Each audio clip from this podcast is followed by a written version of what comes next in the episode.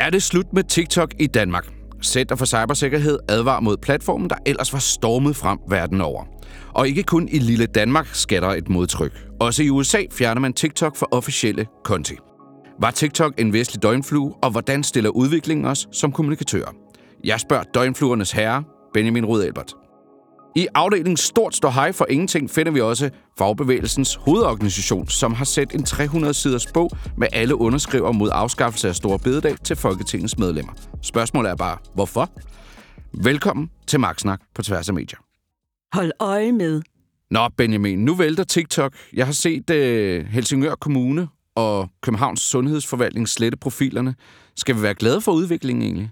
Altså, vi skal jo være glade for udvikling, fordi vi kan jo ikke finde ud af at lave TikTok. Det er jo sådan noget, vi, vi plejer at putte Vita ind i studiet, visuelle Vita, så øh, det er jo en øh, glædens øh, uge et eller andet sted, fordi så kan vi komme tilbage til de der klassiske medier, vi kan forstå, det der, de der lange LinkedIn-posts. Men øh, det er lidt hysteri, det her.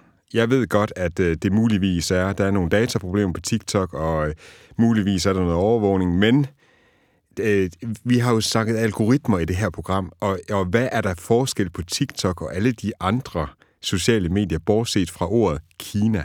Ja, lige præcis. Det lyder mest alt som en politisk beslutning i virkeligheden. Jamen, det er det jo også, og det, og det er jo fordi, vi har en, øh, en trussel mod verdensfreden her i, altså, i øjeblikket, at, at det er bare, øh, hvis russerne kommer og kineserne kommer, så er vi skide bange.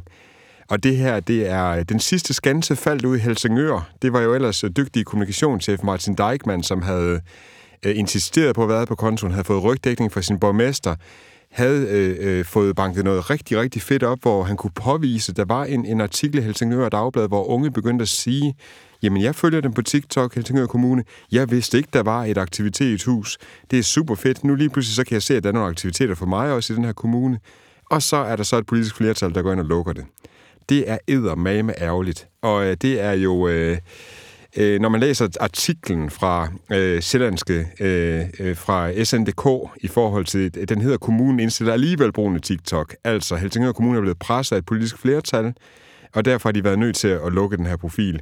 Og så er der en af politikerne, der siger, at det handler om signalværdi. Ja, det gør det jo. Det handler om signalværdi i forhold til, at, at hvis med det samme, der, der står Kina på det, så vil man ikke røre ved det.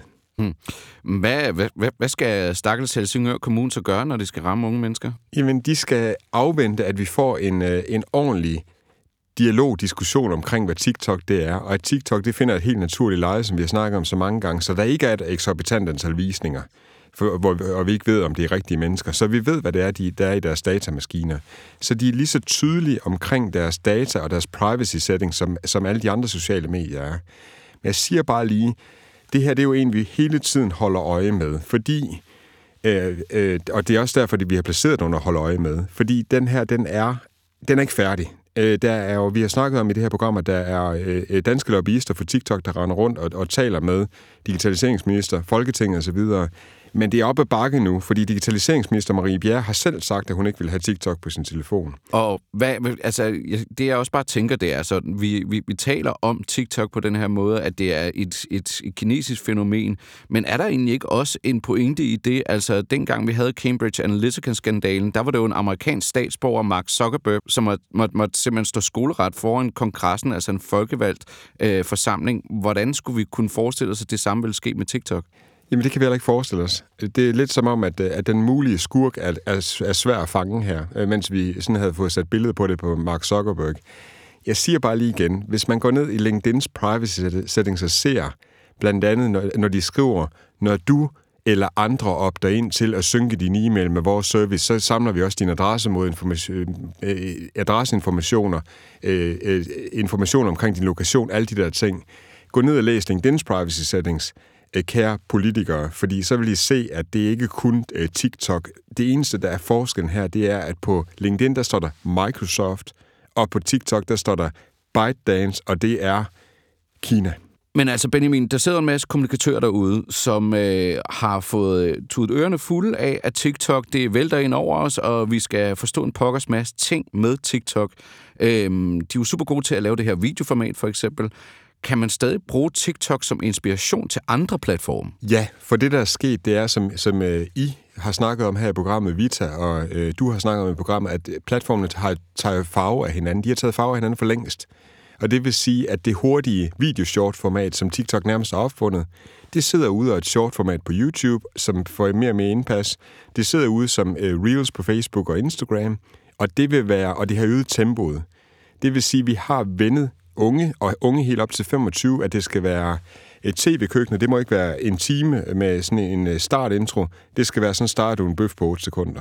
Så det vil sige altså, at hele den måde at opbygge en video på, altså som TikTok excellerer i, og som jo åbenbart viser sig at være en rigtig god måde at fastholde folks opmærksomhed på, det er det, som de andre platforme, som vi også har snakket om, har taget farve af. Altså man prøver simpelthen at kopiere den her succesformel, som TikTok har. Og det siger du altså, der må man godt, man behøver måske ikke sidde og udpersonere hele sit privatliv på TikTok som en eller anden officiel person, men man kan jo måske godt lige skele lidt dertil i forhold til at altså, producere indhold på andre platforme. To ting, kommunikatører de skal gøre nu. Eller tre ting. De skal afvente, hvad der sker med TikTok. Det er den ene ting. Så skal de forstå, at TikTok det har allerede øget tempo, og det har fået andre platforme til at tage farve af det her. Så vi, det er slut med at lave videoer, hvor vi starter med at have en dronevideo indover, og så har vi en eller anden, jeg hedder Benjamin, og jeg er digital råd. Det, det gider folk ikke at se længere. Og så skal vi vente nu på, det tredje ting, kommunikatøren skal, skal gøre, det er, at de skal vente på, hvilken platform kommer der i stedet for TikTok.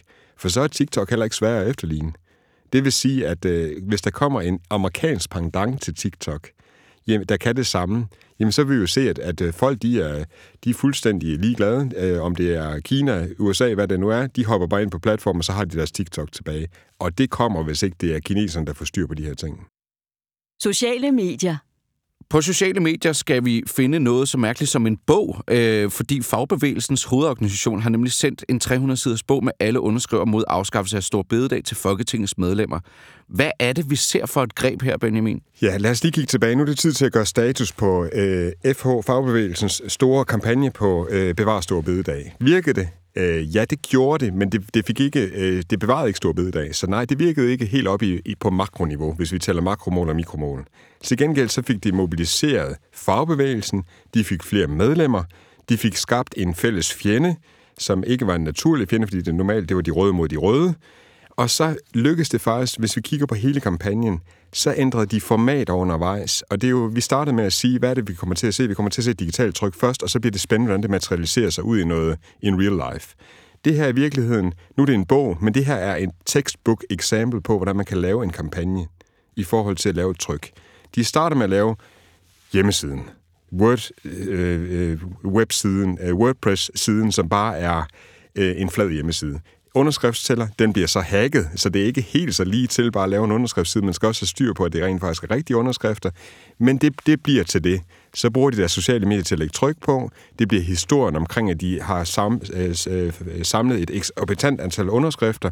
Så bliver det preshistorien allerførst, og volumen, der bliver historien. Og til sidst skal det jo materialisere sig. Og det er jo så, altså vi, vi havde jo også øh, en, en, en lille folkeopstand ude på Christiansborg Slotsplads. Skal vi lige have den med også, eller Ja, hvad? fordi det skal så blive til en begivenhed, hvor man flytter folk fra et mikroplan til, de først har skrevet under. De har klikket sig ind på noget, så de liket noget, så de måske delt noget, så de skrevet under på noget, så har de flyttet sig til det er næsten et konverteringshjul, lyder ja, som det det er et konverteringshjul, og hvis man googler efter det, så vil man finde rigtig mange eksempler på konverteringshjul. Det er helt tilbage fra Gary Vaynerchuk's jab, jab, jab, right hook, hvor man langsomt giver folk chat, og så sidst så stikker man dem ind på kassen og siger, skriv så under, eller mød så op i det virkelige liv. Husk at tage din fakkel og din høtyv med. Og hvordan, må jeg lige høre dig, og hvordan spiller så en 300-siders bog ind i det her? Fordi det er jo ikke noget, som øh, almindelige mennesker, der har skrevet under... Altså jo, de har skrevet under, og det er derfor, bogen kommer, men hvorfor har man sendt til Folketingets medlemmer? Fordi formatet en bog kan noget helt specielt. For det første, så er jeg jo forfatter. Det kan du jo se, Rasmus øh, øh Amtoff, fordi min sål på skoen er sådan et stykke højere end din. Jeg har skrevet tre bøger af øh, cirka, øh, de sådan øh, 2-3 cm høje alle sammen. Du kan næsten i høje hele. Ja, nemlig. Men, men der, er ikke, der er særlig mange, der læser bogen, men, men vigtigheden af, at man har fået skrevet en bog og været igennem en, et forlag, og det er, en, det er en redaktør, der har, og så videre, det kan man jo selv, og man kan jo bare selv øh, selvudgive, som jeg har gjort et par gange, fordi jeg er skide fej, og jeg ikke tør lade en, en redaktør pille mine bøger i stykker. Det må vi lige gøre noget ved, når vi kommer dertil. men bogen kan noget helt specielt. Den kan mere end blogindlæg, for jeg kunne godt have skrevet 1000 blogindlæg, men så vil jeg bare være blogger. Nu er jeg så forfatter.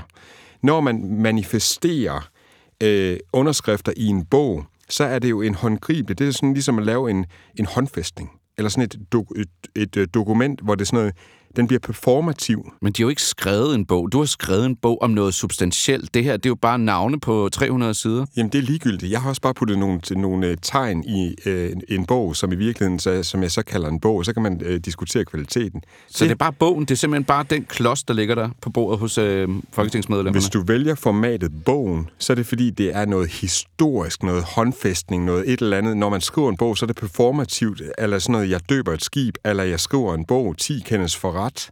Og det vil sige, at jeg lægger min hånd på en bog og sværger ved Bibelen. Så her har vi en bog, som dokumenterer. Det er jo et historisk dokument, som dokumenterer i det herrens år 2023, da der var en historisk underskriftsindsamling. Så det er sådan en Declaration of Independence nærmest? Yes, og de sender den jo så, og det bliver sådan en, en, uh, tung mursten ned til folketingsmedlemmer, da de, skal, da de skal stemme omkring de her ting. De overrækker også underskrifterne fysisk. Altså, man tager noget tekst og overrækker det fysisk til beskæftigelsesminister Anne, Anne Halsbo inden øh, øh, afstemningen, og så gør de det sidste. De, de øh, øh, lader Arbejdermuseet optage den historiske underskriftsindsamling, som de selv skriver inde på øh, fho.dk. Knap en halv million underskrifter mod at afskaffe Storbid, der bliver nu optaget Arbejdermuseets historiske samling. Så siger Lisette Rigsgaard, tak til Arbejdermuseet for at anerkende og se den danske fagbevægelse stadigvæk skrive historie. Det er sådan helt... Øh, jeg siger lige øh, et ord, der umiddelbart lyder øh, frækt, det er det ikke, men analerne. Det er skrevet helt ind i analerne, at, at regeringen her fik en ordentlig røvtur med digital pres, og altså et tryk, der manifesterer sig helt ud i fakler og høtyv, råberi ud på Slotspladsen, og nu er det blevet et historisk nu, nu er det simpelthen skrevet ind i analerne. Men virker det så?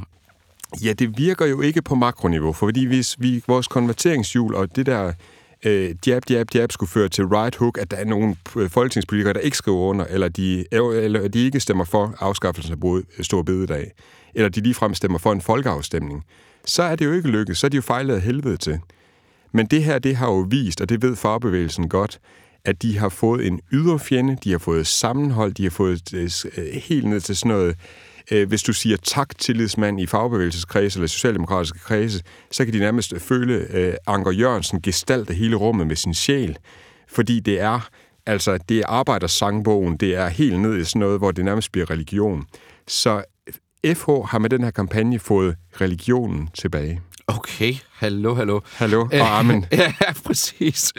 Øh, men men øh, bare lige et, et, et spørgsmål til øh, sådan, øh, bagsædechaufføren her. Hvis nu vi skulle forestille os, at det havde virket bedre, uanset om vi kunne sige, at det havde været ultimativt, at man havde faktisk altså, modsat sig så meget, at det ikke var blevet til en afskaffelse af stor bededag. Kunne man have sagt noget? Kunne man have gjort det? Kunne man have smidt den der bog tidligere, for eksempel? Man kunne have gjort noget helt andet. Ja. Man kunne have øh, bedt om et møde med statsministeren, og så kunne Lisette Rigsgaard sætte sig ind, og så kunne hun sige, jeg har øh, 500.000 øh, orker, der kommer til at stemme anderledes ved et folketingsvalg. Jeg skal nok huske dem på det, hvis ikke du piller det der af brættet. Så det vil være en trussel, og det vil være en, en magtdemonstration.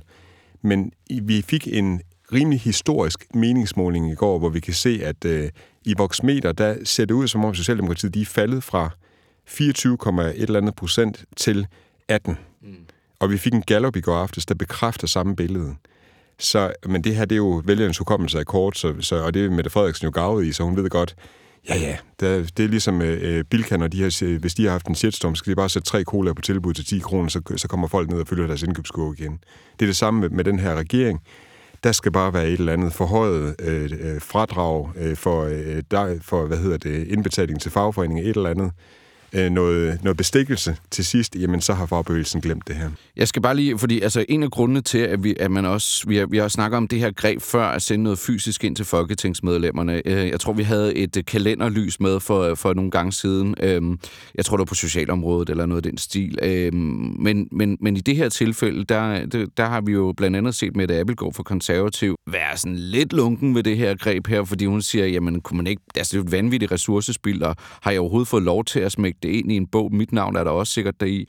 Øh, kunne man ikke bare have skrevet det på en side? Jo, det kunne man godt, men, men det, det er hele signalværdien i det. Det er så anden gang, vi siger signalværdi i det her program. Og så er det, vi skal huske, nogle af de bedste kampagner, de har et fysisk element i sig. Øh, Depressionsforeningen havde på et tidspunkt, hvor de gik rundt og lavede, fik folk til at tage, altså politikere fik, fik øh, de til at tage sokker på. Depression socks med det lille ordspil. Det er et rigtig mor for ordspil. Men det gjorde blandt andet Sofie Løde, øh, som jeg tror, hun var sundhedsminister på det tidspunkt. Øh, hun er i hvert fald sundhedsordfører for Venstre. Hun tog depression socks på, tog selv et billede af det, og så er det lidt svært at, at pille øh, depressions... Øh, øh, altså, jeg tror, det er livslinjen, som, som ikke fik støtte i, øh, i et års finanslov, jamen så må du jo gå ind og redde det med satspuljemidler til sidst. Så den fysiske manifestation kan være sindssygt vigtig. Så kan man sige, hvad koster det ressourcemæssigt at lave alle de der depression socks og, og tage ind til Folketinget for folk til at tage den på? Det koster noget. Det koster noget at lave kampagne. Men ideen er også, at man skal ofre noget stort valuta og give folk noget af værdi, før den, det, de skal betale med, det er lige så stor værdi. Så det kunne ikke bare være en, en enkelt side. Det kunne ikke bare være en digital underskrift til sammen. Det var nødt til at manifestere sig i noget, der var sværere. Og det er der, hvor der er rigtig mange sådan noget små græsrodsbevægelser, der går galt i det, fordi de tror, at det lille digitale tryk, det er nok til at flytte politikere. Det er politikerne blevet alt for gavet i. Så det der med, at de får øh, en million underskrifter eller 400.000 underskrifter digitalt, hvor, de, hvor de ved, at halvdelen hedder A, An og J. Ulemand, det gider folk, det gider politikerne ikke. De vil se den fysiske manifestation, fordi så tænker de, puha, det næste bliver fakler og højtyve. Puha, det næste bliver, at øh, de her aktivistiske medlemmer, der har skrevet under, de faktisk også flytter sig ned i stemmeboksen, så stemmer de ikke på mig. Hot or not? Ugens hot er Liberal Alliance. Benjamin, hvad har de gjort, som gør dem til ugens hot? Jamen, vi har egentlig forudset det. Altså, vi, vi sagde i, øh, i et tidligt afsnit af den her podcast, at de skulle holde øje med, eller øh, folk skulle holde øje med de små tweets, der kom fra Liberal Alliance, Henrik Dahl og Mads Korsholm, autodidakt kampagnechef, som han kalder sig selv på, på øh, Twitter.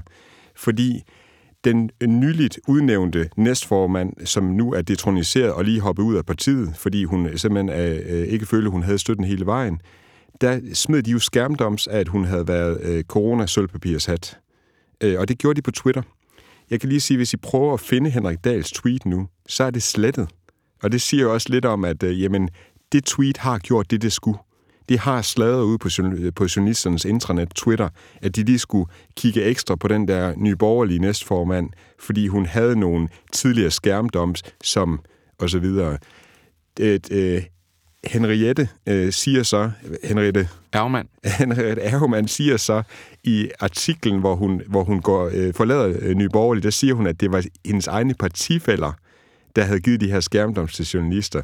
Og det kan vi jo så altid øh, snakke om, hvor de har fået det fra.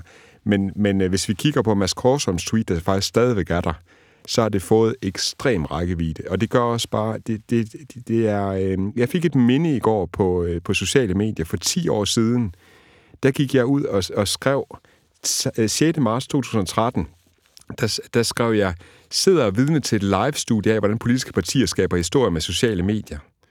Fordi jeg sad og kiggede på, hvordan Henrik Andersen, digital chef for Venstre, han kunne gå ud på Twitter og skrive, åh nej, Helle laver en villy.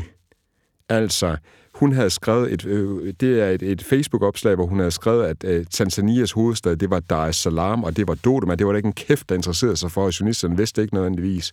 Men når han så skrev øh, på Twitter, øh, øh, har Helle Thorning lige lavet en Ville Søvndal, og så lavede han et skærmdom af det, og så skrev han hashtag forkert hovedstad. Fordi Ville Søvndal på det tidspunkt havde en lille smule problemer med, hvad det var, han gik og sagde øh, faktuelt i forhold til, til nogle ting. Og det blev til historien på Ekstrabladet. Åh oh, nej, Helle laver en villy det er jo første gang, jeg sådan for, for alvor interesserede mig for, hvor let det var at lave de der små digitale tryk. Det er altså 10 år siden. Henrik Andersen var skidegod til det, da han var på, øh, på øh, eller øh, da, i, i tidernes morgen, da det var, han var den, e-, en af de eneste, der gjorde det. Han er stadigvæk hos Venstre, men han har ikke samme rolle længere. Jakob Parker fra Radikal var skidegod til det der. Han var god til dengang Henrik Sass, han sad ud og bejrede den ude, på, på, ude i Køge sammen med Tommy Kamp. I en, den kan man bladre op historisk der var Jakob Parker god til at sætte strøm til, at, øh, at øh, SAS sad derude og bejrede den derude. Øh, så de der små digitale tryk er en vigtig del af politiske spil. Det bliver altså en hot her, selvom det, er, det virker som om, det er sladder til, til de voksne.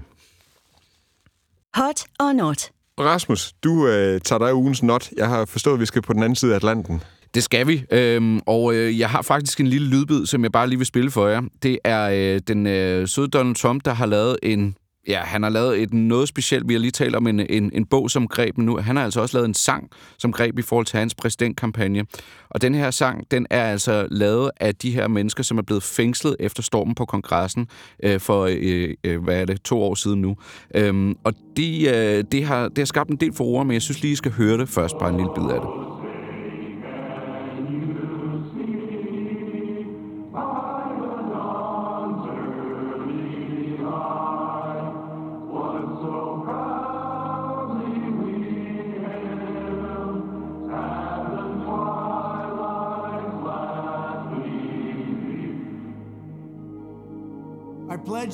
Allegiance to the flag of the United States of America.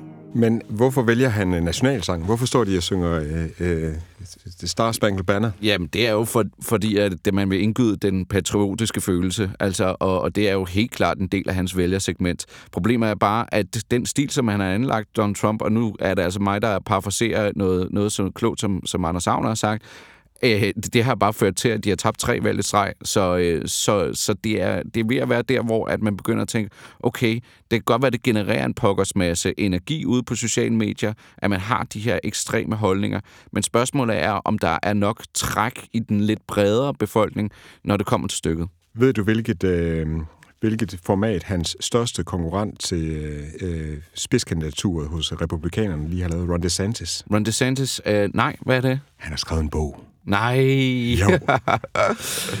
så ved du hvad, øh, dig der lytter med, hvis, øh, hvis, hvis, vi, hvis vi bare skal gøre det kort og godt her, så synes jeg bare, at øh, prøv at gå ind og, og, og lytte til det her.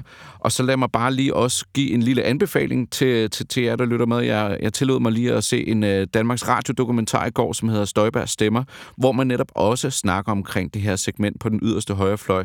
I kan lige prøve at høre en lille snas af det her.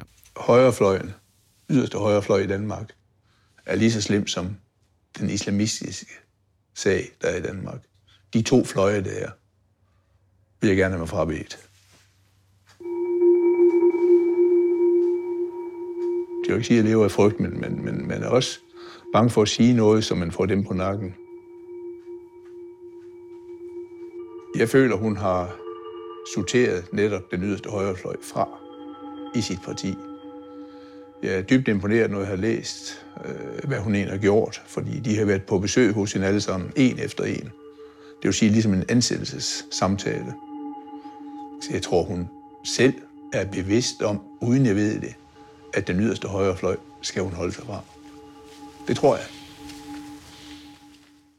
Under beskydning. Benjamin, du har øh, under beskydning med her i dag. Det er Saxo Bank. Hvad er det, der, der er historien her? Altså, journalistens fagblad har egentlig afdækket den rigtig fint, hvordan kommunikationschefen han agerer som politisk ordfører, det virker. Det kan man selv prøve at google den artikel.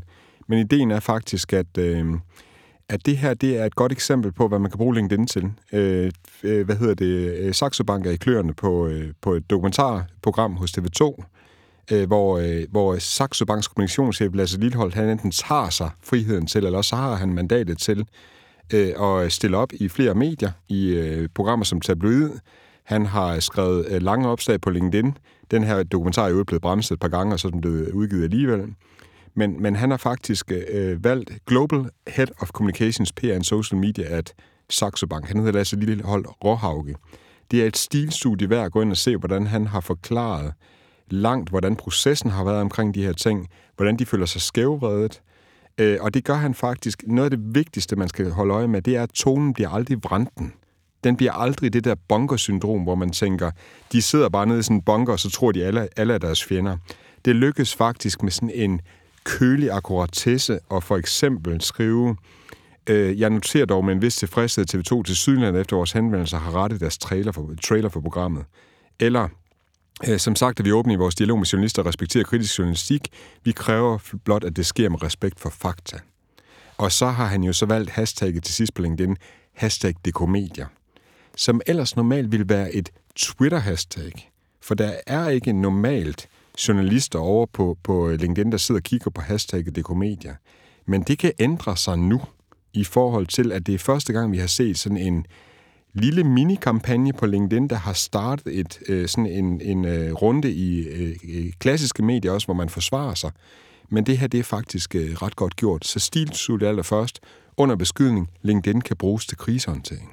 Jeg vil også bare lige se, jeg har set ham også i, i presselogen sidde og, og, og forsvare sig, og jeg synes netop også, at den tone, som han lægger for dagen, han virker faktisk øh, enormt trænet, som om, at han netop ikke er en, der sidder bare kun og kigger på, hvad, de, hvad Saxo Bank selv sidder og laver, men han har virkelig en fornemmelse af dynamikkerne i, hvordan man bliver tiltalt som, øh, som, som skurke i en historie af pressen, og faktisk stille og roligt sådan bevæger sig lidt væk fra den der rolle og går ind og bliver rigtigere. Og det er jo noget, vi har snakket om rigtig meget i vores podcast også. Og nu kan man så også lige sige, at Saxo Bank, de er jo i en position, hvor de, hvor de godt kan gå ud og bruge sådan en Global Head of Communication her til. Han må godt have en lidt øh, krigerisk, kritisk øh, tilbagetone. Det var ikke gået for Danske Bank, for eksempel, fordi de har øh, umiddelbart så i en anden position. Det, det, det er så, hvad det er. Men det her, det gør han super flot, og det er, øh, det er virkelig, virkelig øh, sjovt at se. Det er sjovt at se for, for en krisekommunikatør, der normalt vil bruge pressemeddelelser, Twitter, Facebook osv. Nu er det så LinkedIn. Det var alt for denne gang i Magtsnak. Benjamin Rød Elbert og jeg er tilbage i næste uge med en ny stak historie på tværs af medier til jer. Du har lyttet til et afsnit Magtsnak på tværs af medier. Et afsnit, som er produceret af Amtoft Stories. Jeg hedder Rasmus Amtoft. Tak fordi du lyttede med.